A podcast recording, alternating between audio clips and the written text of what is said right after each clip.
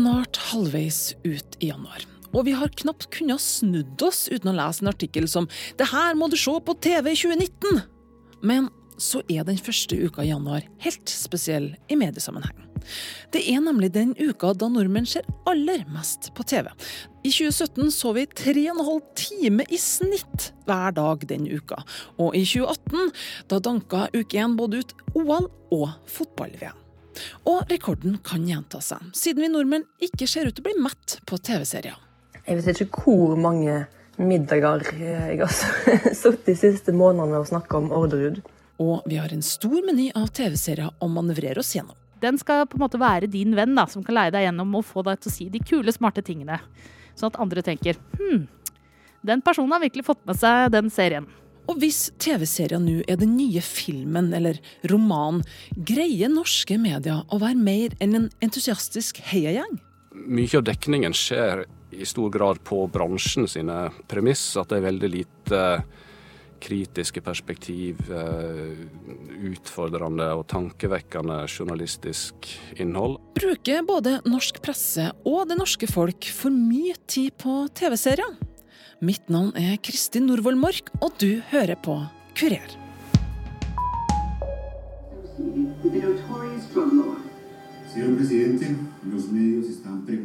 Det er en onsdagskveld i januar, og jeg er på besøk hos Kine Melting, der hun og mannen hennes sitter oppslukt midt inne i fjerde episode av andre sesong av TV-serien Narkos.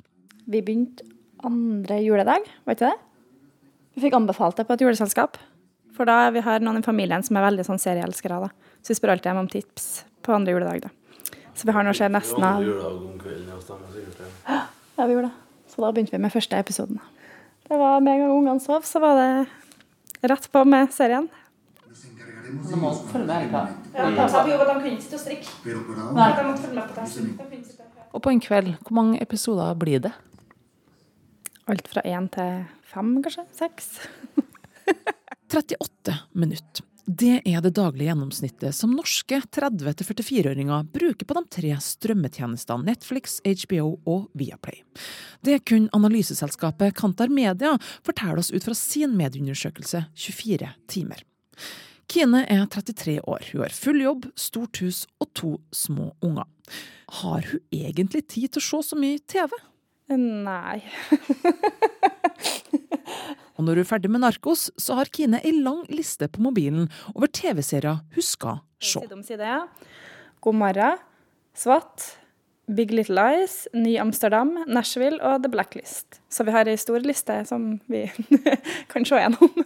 Og hvis Kine trenger flere tips til lista si, så er det nok av norske redaksjoner som vil gi det til henne. Det som vi før snakka om rundt lunsjbordet, har nå blitt medieinnhold. Det eksisterer mengder av anmeldelser, artikler og podkaster som snakker om det du så på TV i går, eller bør se i kveld. Velkommen til Filmpolitiets Godt pod NRK. Rekordmange nye serier og sesonger kommer til å rulle over skjermen det kommende året. Vi forteller deg allerede nå hvem du skal se opp for. TV-seriepodkasten. I tillegg til diverse podkaster kan nettsider som Serienytt, OP5 og Rushprint holde deg oppdatert på alt det du trenger og ikke trenger å vite om utallige TV-serier. Og avisene har stadig artikler og anmeldelser om gamle og nye TV-serier. Hei og riktig godt nyttår. Du hører på Serieprat. En podcast Cecilie Asker er avdelingsleder for kultur og mangeårig TV-anmelder for Aftenposten, og en av programlederne i deres siste tilskudd til norsk seriejournalistikk. Serieprat, som ble lansert for to måneder siden. Altså, Aftenposten har satsa på TV-serieanmelderiet i flere år nå. Eh, Vi, vi begynte egentlig for en eh, fire år siden å legge om til litt mer serieanmelderi og litt mindre av det klassiske lineære TV-anmelderiet. Hvorfor satte dere i gang denne satsinga for fire år siden? Vi så jo det at eh, serier, TV-serier, det var en enorm eh, en måte, økning i interessen rundt det. Og ikke minst ble, eh, var jo kvaliteten i ferd med å bli bedre også. Veldig mange av de produsentene og skuespillerne og regissørene vi tidligere så på filmlerretet, de var i ferd med å gå over til TV-serier. Og det gjorde jo at kvaliteten økte, og da var det jo også mye mer interessant for oss å snakke om det. Både som et populærkulturelt fenomen, men også å analysere det og vurdere kvaliteten, rett og slett. Akkurat som vi har gjort på litteratur i mange år, vi har gjort på musikk, og vi har gjort på kunst, og vi har gjort på film. Det er helt naturlig for oss også å gå inn i serieuniverset. Noe av det som er eh, spesielt interessant med TV-serier, er jo også det at det er med på å bryte ned litt av de der klassiske høykultur- og lavkulturtankegangen som har eksistert i kulturlivet. Hvor, eh, hvor vi nå heller kan snakke om god og dårlig populærkultur. Og TV-seriene har jo blitt altså så elementær del av populærkulturen at du kan jo nesten ikke gå i et middagsselskap uten å ha sett Sopranos eller Game of Thrones eller Breaking Bad, eller hva det måtte være som er liksom de store kanonene da innenfor TV-serier. Og rent økonomisk er ikke rart om denne type stoff lønner seg for Aftenposten. Podkasten deres har allerede i løpet av to måneder oppnådd hele 100 000 nedlastninger. Og av alle kulturanmeldelser som Aftenposten driver med bakom den digitale betalingsmuren, er det TV-serieanmelderiet som jevnt over går best av alt de gjør. Det kan Asker fortelle Kurer. Det vi ser også på f.eks. TV-serieanmelderi, er at det er en veldig stort hunger etter måte informasjon. Én eh, ting er jo liksom selve anmelderiet, som kan fortelle deg hva som er godt og hva som er dårlig kvalitet. Men folk ønsker også på en måte å ha de smarte samtalene. Sånn at vi i forlengelsen av det, så har vi da f.eks. lagd denne podkasten som skal være den litt smarte samtalen og analysen du har rundt lunsjbordet eller på barkrakken eller i middagsselskap. Den skal på en måte være din venn, da, som kan leie deg gjennom og få deg til å si de kule, smarte tingene. Det der syns jeg er litt sånn rart, at man um, oppfattes som smart og oppdatert ved å se på TV-serie. Hva har skjedd? Var ikke TV-serier noe som TV-slaver holdt på med? det å på en måte virke oppdatert og smart på populærkulturen ved å ha sett TV-serier, handler jo veldig mye om kvaliteten på seriene også. Eh, fordi at eh, det har blitt en stor økonomi i TV-serier, så har det jo også blitt masse kunstnerisk rom. Og det har blitt eh, kanskje det området innenfor kulturprodukter hvor det er mest satsing. Og det er klart, da er det interessant å diskutere de eh, virkelig gode opplevelsene. Og i de virkelig gode kulturopplevelsene så finnes det jo også masse smart analyse. Det er jo nettopp det man plutselig har kunnet hente ut av TV-serier. Det kunne man kanskje ikke før på samme måte. Denne statusendringa, altså når gikk det fra å være noe vi holdt på med, til noe vi måtte følge med på? Jeg tror nok den statusendringen sammenfaller ganske mye med inntoget av strømmetjenester. Eh, fordi eh, denne store strømmekrigen har jo ført til at eh, alle strømmetjenestene må satse utrolig store pengebeløp i året på innhold for å prøve å fange det markedet. Jeg tror faktisk Netflix i 2018 brukte 17 milliarder kroner, norske kroner, på innhold. Tenk hva man kunne gjort i norsk kulturliv for 17 milliarder. Det er mye penger. Eh, men det er altså store, store penger i omløp her. Eh, og derfor så tror jeg også at eh, det har åpna seg en ny verden for veldig mange. Det at du plutselig kan se hva du vil, når du vil, og akkurat hvor mye du vil.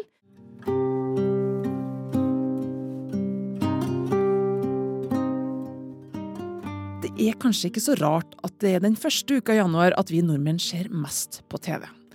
Man har fortsatt litt fri hode, i alle fall i feriemodus. Man er litt forsynt av tvangssosialiserende juleselskap, og det er mørkt ute. Og vått. Og kaldt. Kan været være en grunn til at vi ser så mye TV-serier? At vi f.eks. er på en femteplass i oversikten over verdens mest binge-watchings nasjoner? Jeg tror nok eh, strømmetjenesten har gjort det veldig bra i Norge, eh, fordi vi har en solid økonomi, eh, først og fremst. Kanskje ikke så mye pga. været, for nordmenn er jo også veldig glad i å gå på ski. Så jeg tror det handler mye om at vi har en stødig og solid økonomi og en stor middelklasse. Så altså, det er en stor målgruppe. Og vi ser jo Nå er jo Netflix, tror jeg, oppe i hva er det, De har vel runda en million brukere i Norge. Så det sier seg selv at det er veldig mange der ute som faktisk har endra vaner i løpet av bare en fire-fem års tid. Cecilie Asker og Aftenposten bekrefter at seriejournalistikk er populært innhold. Men er det godt innhold? Ikke nødvendigvis, mener Erlend Lavik, professor ved Institutt for informasjons- og medievitenskap ved Universitetet i Bergen. Det kan være godt stoff, det mm, er jeg jo ikke i tvil om. Det, hvor godt det er i praksis, det varierer nok veldig. og Det kommer selvfølgelig an på hva en ønsker at seriejournalistikk skal gjøre, eller hva, hva slags funksjon en mener at den bør ha.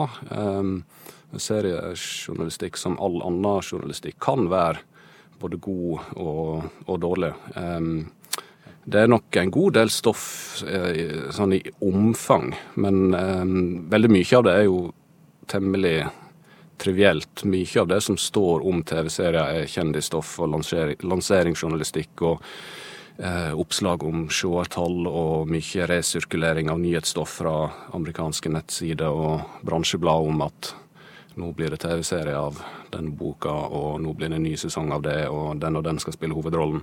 Så mer grundig analyse av enkeltserier og generelle utviklingstrekk og sånt, det er det jo ikke akkurat overflod av i i norske medier, syns jeg det er først og fremst de avisene som satser på eh, kultur som, eh, som, glimter til. Så har du anmeldelsene i tillegg, som er også varierende, selv om jeg syns jo at ting har blitt bedre. Det er ikke fullt eh, på samme måte som det var i gamle dager, at de som dekka eller skrev om eh, film og TV, det var først og fremst de som hadde en personlig interesse og ikke en faglig kompetanse. Der eh, det var viktigere på, på dekningen av litteratur at en liksom henta inn eh, folk som, som kunne det de, det de, skrev om. Så der, der har det blitt bedre. Mm. Ja, hva, hva, håper du at vi får se mer av? En type kulturjournalistikk om TV-serier som eh, evner å ha ambisjoner om å sette det inn i en større sammenheng. som eh, Jeg syns jo at mye av dekningen skjer i stor grad på bransjen sine premiss. At det er veldig lite kritiske perspektiv, eh, utfordrende og tankevekkende journalistisk innhold. At det er ofte sånn at avisene, og særlig nettavisene, fungerer litt som en sånn heiagjeng for, eh, for disse nye seriene som kommer og er med på å skape blest om dem. Jeg syns jo det er litt for enkelt å si at noe annet det det selger ikke, fordi at media sin makt ligger ikke først og fremst i å forme publikum sine meninger, men de former i veldig stor grad hva vi er opptatt av, hva vi tenker på som viktig og uviktig, og hvordan vi snakker om ting og tenker om ting. og hvis en liksom bare gjemmer seg bak argumentet om at mer ambisiøse perspektiv det vil ikke publikum ha, de vil ha underholdningsstoff om TV-underholdning, da har en ikke, sånn som jeg ser det, så mye respekt for verken seg sjøl eller for sitt publikum. Og denne statusendringa har jo selvfølgelig medieprofessoren fått med seg. Han har tross alt skrevet ei fagbok om TV-serienes nye gullalder.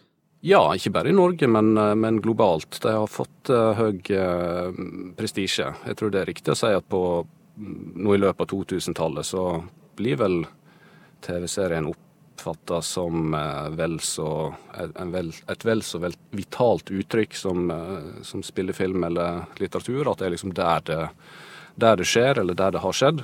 Eh, og det å se TV-serier har blitt en ekstremt populær fritidssyssel for veldig mange. Og sikkert delvis fordi at det har blitt mer, blitt mer legitimt. Så er det kanskje et paradoks at akkurat når TV-serien har liksom vært på toppen av denne medgangsbølgen, så har det, tror jeg iallfall, skjedd noe de siste åra. Og igjen i alle fall i, i, USA, da. Eh, at det har kommet veldig mange nye aktører på banen som lager TV-serier. Så antall TV-serier er jo eh, skyhøyt. Det er jo helt umulig å se alt som, som kommer. Og det, Netflix har selvfølgelig vært lokomotivet her, og de har en litt annen profil enn HBO. Eh, og I tillegg så har TV-serier hatt vind i seilet de siste 20 åra eller så. Når um, uh, Sopranos um, slo gjennom for um, HBO. Den har vel uh, 20-årsjubileum denne måneden her. og ja, helt siden den gangen så har uh, det, det generert liksom en veldig entusiasme og glød, og det var mange som begynte å snakke om at TV-serien var enten den nye romanen eller hadde ja, blitt mer, mer eh, interessant enn en filmen. Eh, det har vært en sånn debatt eller et mantra helt siden siden den gangen.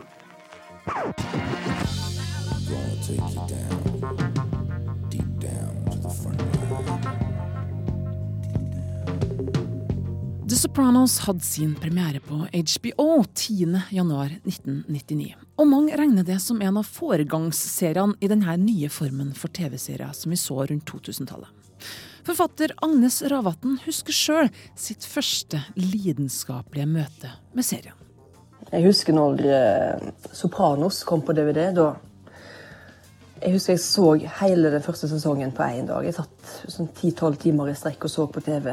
Og så til slutt så Nei, nå, nå må jeg legge meg. Før jeg sto opp midt på natta for å se videre.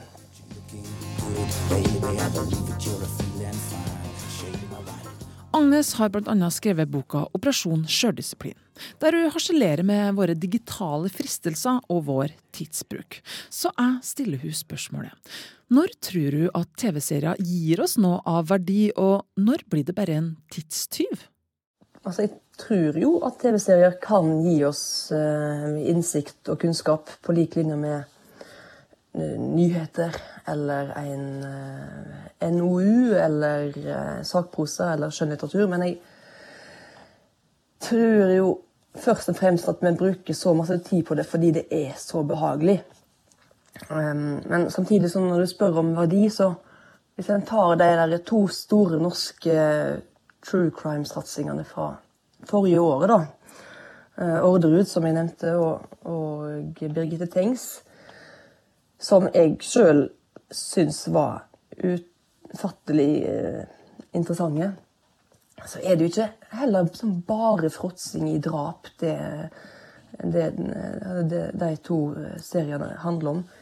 Det gir jo faktisk òg innsikt i sviktende rettssikkerhet, eh, eller graverende politiarbeid, eller maktmisbruk, eller Og så blir jeg òg litt nysgjerrig når jeg hører meg sjøl på om det er sånn at jeg sitter og rettferdiggjør eh, mine veldig mange timer i sofaen med akkurat dette. Men det er klart at TV må ikke nødvendigvis stå tilbake for andre medier bare fordi det er så behagelig.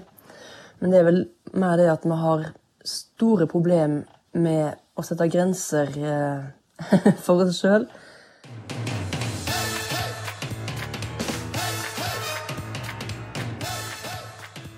Mye tror du at du bruker i løpet av en uke på å se på TV-serier?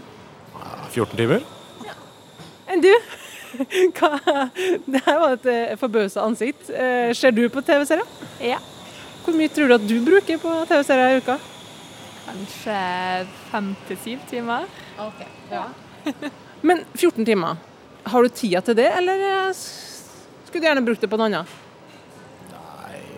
Man setter jo av tid til det, men det hadde jo vært mer fornuftig å bruke på noe annet. Kjæresteparet jeg møter på gata, er både studenter og ung. Og de mellom 18 til 29 år bruker ifølge Kantar Media sine undersøkelser et snitt på 57 minutter på de tre store strømmetjenestene. Men hva med oss voksne? Vi som oftest har minst én av delene, jobb, hus, partner eller barn, å ta oss av. Er det uproblematisk at vi bruker så mye tid på noe så lite produktivt som TV-serier, spør jeg Ravatn. Nei, uproblematisk er det jo på ingen måte eh, hvis en ikke klarer å sette grenser for seg sjøl. Det er jo så oppslukende, altså på sitt beste eller verste, at det er vanskelig å motstå å bare se én episode til og én episode til. Eh, Og plutselig er det natt. Jeg, regner med at det har rakna for en del folk som en på forhånd ikke ville trodd det skulle rakna for. Rundt årsskiftet har det vært nok av artikler om serier du burde ha sett i 2018, og nye serier du bør få med deg i 2019. Men må man det? Ja og nei. Det er kanskje en viss fare for at en havner litt utfor eh, det sosiale laget hvis en, hvis en ikke har sett den og den serien. For jeg, jeg ser jo det sjøl at eh, veldig ofte så er det TV-serier vi snakker om når vi treffer venner. Altså TV-serier som har engasjert oss. Og det kommer jo nok av at vi oftere har sett de samme TV-seriene enn at vi har lest de samme bøkene. da. Og det er et veldig lettvint, eller veldig greit og takknemlig samtaleemne. Og Ravatn mener òg bestemt at TV-serier har fått en statusendring de siste årene. Det virker som om kultureliten og eh, akademikerne plutselig på et tidspunkt har som gått sammen og bestemt seg for at nei, så nå, nå er det nok. Nå orker vi ikke mer lesing. Nå, bare, nå går vi ut og sier at TV er lov igjen. Nå er det liksom det nye highbrow. Det virker som om de har bare fordelt oppgaver mellom seg. at ja, Du går ut i Morgenbladet og sier at uh, The Wire er bedre enn Dickens, og du går ut og sier at uh, TV-serier er den nye romanen, osv. Uh, jeg har jo en, kanskje en følelse av at, at en holder fram veldig kvaliteten. Det, det er blitt så høy kvalitet på TV-seriene de siste åra, sier en. Det er litt for å rettferdiggjøre det at en sitter og ser og ser. Eh, for TV-serier er jo først og fremst veldig behagelige. Altså, noen av dem er veldig gode òg. Og de kan jo sikkert gi kunnskap om felt der som vi før var blanke, men det er jo likevel litt påfallende at plutselig så mener alle at det er kjempeviktig at folk har innsikt i hvordan fransk etterretning fungerer, f.eks. Når jeg og mannen min begynte å se Game of Thrones, f.eks., som var en stor eh, bøyg for meg, så satt vi første tid og sa til hverandre at eh, ja, det er jo det politiske spillet som er interessant her. og Det er derfor vi sitter og ser, på det. Særlig vi som på en måte tilhører ja, øvre middelklasse, og sånn, og som nå er virkelig de som har forkasta bøkene til fordel for TV om kveldene, sitter og opererer med veldig mange vikarierende motiv. Hva tenker TV-serieeksperten ved Universitetet i Bergen, professor Erlend Lavik? Lager vi oss unnskyldninger om at vi får samfunnsinnsikt for å rettferdiggjøre hvor mange timer vi egentlig bruker foran TV-skjermen? Det er jo litt sånn vi mennesker er skrudd sammen, at vi er flinke til å finne argument for det som eh, passer oss sjøl. Nå eh, er det jo ikke sånn at eh, innsikt i fransk etterretning eller innsikt i samfunn eller politikk virker, For meg så høres det ut som et litt sånn kunstig trangt nåle for hva som har verdi. Eh, når vi oppsøker fortellinger, uansett medium, så er jo ikke det først og fremst for å øke samfunnsforståelsen, men eh, ja, at det kan gi oss andre typer innsikt av psykologisk eller idémessig art. og det at uh, fortellinga kan være rett og slett underholdende, det, det, er jo greit, det også, noen ganger. Det er jo lov å la seg underholde og engasjere og oppsøke spenning og osv. Hva tror TV-anmelderen i Aftenposten, Cecilie Asker, om framtida? Er dette bare begynnelsen vi ser? Vil hun få flere kollegaer, og vil seriejournalistikken bli bedre og mer dyptgående? Vi får jo håpe at eh, mediene tar sitt uh, ansvar på alvor, da. Og behandler alle områder innenfor uh, kulturjournalistikken på en seriøs måte. Og det er klart, når det kommer veldig mye TV-serier, så er det naturlig at vi gjør det serier er jo faktisk en del av en større trend som handler om historiefortelling. Og historiefortelling vil du se at du finner igjen ikke bare på TV-skjermen og i fiksjonsverden eh, eller i bøkene, men du finner det også faktisk i journalistikken. Og etter hvert så finner du det faktisk også i eh, all form for kommunikasjon og reklame. Så ved å se på TV-serier, klarer å analysere og plukke fra hverandre en serie, så kan du faktisk eh, finne igjen mye av de samme elementene i f.eks. en politisk tale.